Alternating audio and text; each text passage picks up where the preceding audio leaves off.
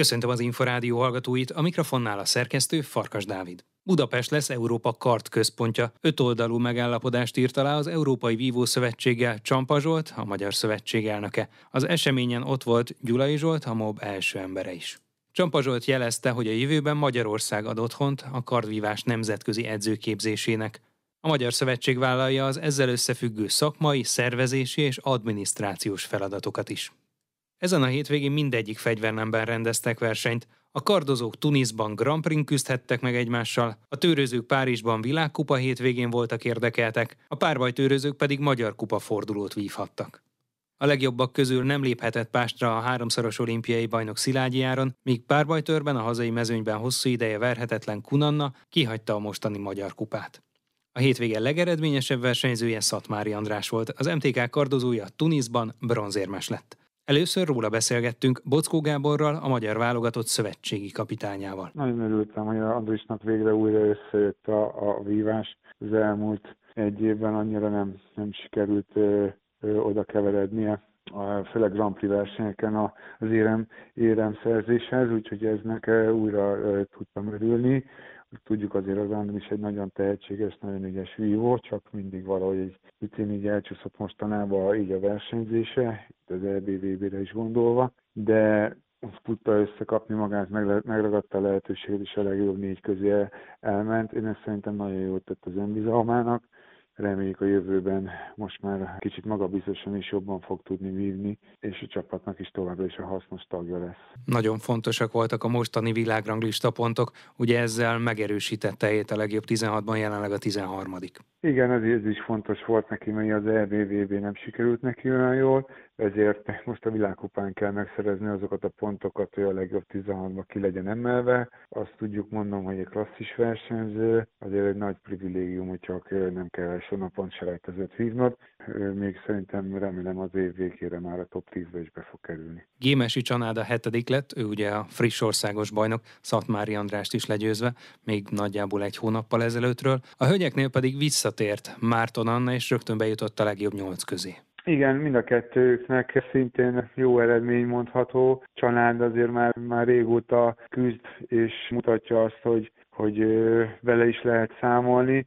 Ez elmúlt években nagyon hasznos tagja volt a csapatnak, néha húzó embere is volt, Tavaly az EB-n sikerült bekerülni a legjobb nyolc közé, most végre sikerült egy Grand Prix versenyen is. Reméljük, hogy ez újabb sikereknél még fogják a, a szezon hátra lévő részében mutatni, hogy jó az irány és jó dolgozik. Nagyon elszánt, nagyon határozott és konkrét elképzelései vannak a Párizsra kapcsolatosan, hogy ott, ott is egy nagyon tudjon dobbantani, úgyhogy Csanál tényleg az van, hogy ő nagyon sokat dolgozott ezért az eredményért.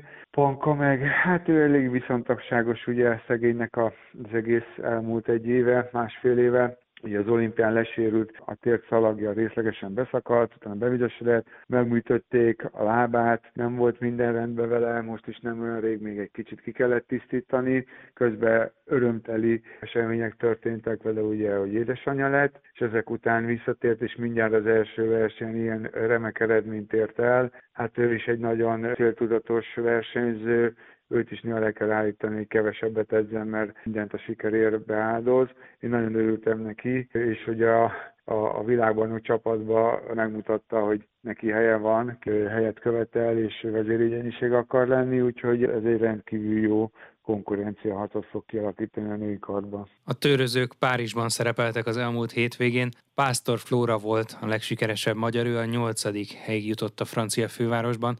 A csapatok azonban ezen a hétvégén nem remekeltek, távol voltak a legjobb nyolctól. Igen, felemás eredményeket tudhatunk magunkban tör, törben, ugyanis fiúknál a Szemes Gergő és a Dósa Dani eljutott a legjobb 16-ig, ami ez egy ilyen nagyon nehéz verseny, én úgy gondolom, hogy remek eredmény. Dósa Daninak sajnos megint egy tuson múlott a 8-ba kerülés. Nem akar összejönni neki az első világkupa döntő, ami most ugye Pásztor Flórának sikerült. Flóra is most már régóta nagyon küzd azért, hogy meg, megtörjön a jég és bekerüljön egy világkupán a 8-ba. Tavaly 16-ba volt a tavalyi szezonban, most sikerült átlépni ezt, és bekerült a nyolc közé szintén, ahogy a Szacinál is mondtam, én remélem, hogy egy nagy lökést ad neki, és innentől önbizalommal dúzadóan fog továbbiakban menni.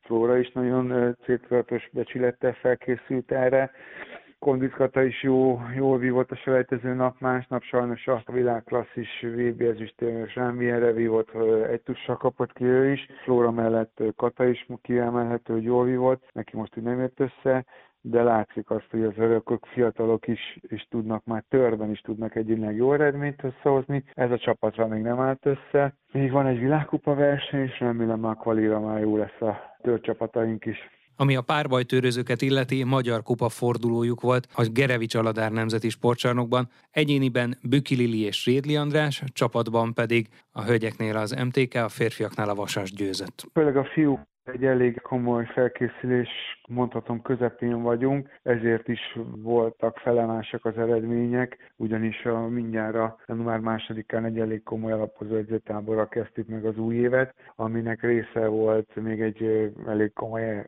vívóedzések is, és úgymond lendületből mentünk neki a, ennek a vágató versenynek, és edzésnek volt beiktatva. Hát ez meg is látszott, hogy a a múltkori Vancouveri csapat, aki a válogatottat képviselte, nem is vívott jól igazán, egyik őjük se, úgyhogy ezek volt látható az, hogy egy kisebb meglepetés, hogy például Csabai Máté döntött vívott junior korára, vagy a nagy rutinnal rendelkező Rédli András végül jól beosztva az erejét meg tudta nyerni. Jó meccseket lehet, lehetett látni a, a mind a két nap a Gerevics Aladás sportcsarnokban, a lányoknál Büki Lili most már a felnőttbe is kezd beérni, ami nagyon jó, hasznos embere lehet a csapatnak.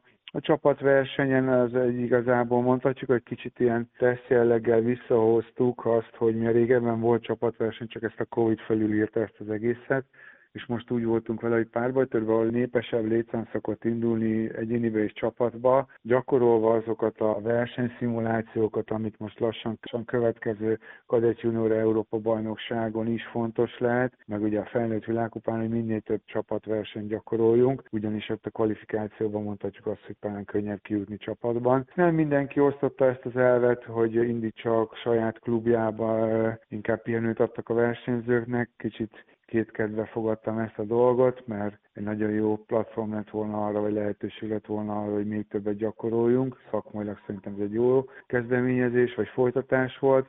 Meglátjuk, hát ezek majd a világkupán is az év végé ad ennek egy lenyomatát annak, hogy ez milyen volt ez a csapatverseny, de azért száz fölötti indulónál egyénibe mondhatjuk azt, hogy erős és kemény mezőny jött össze pár vagy többé megint. Bockó Gábort a magyar vívó válogatott szövetségi kapitányát hallották.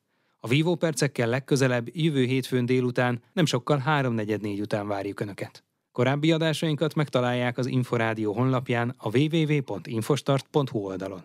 Most megköszöni figyelmüket a szerkesztő Farkas Dávid.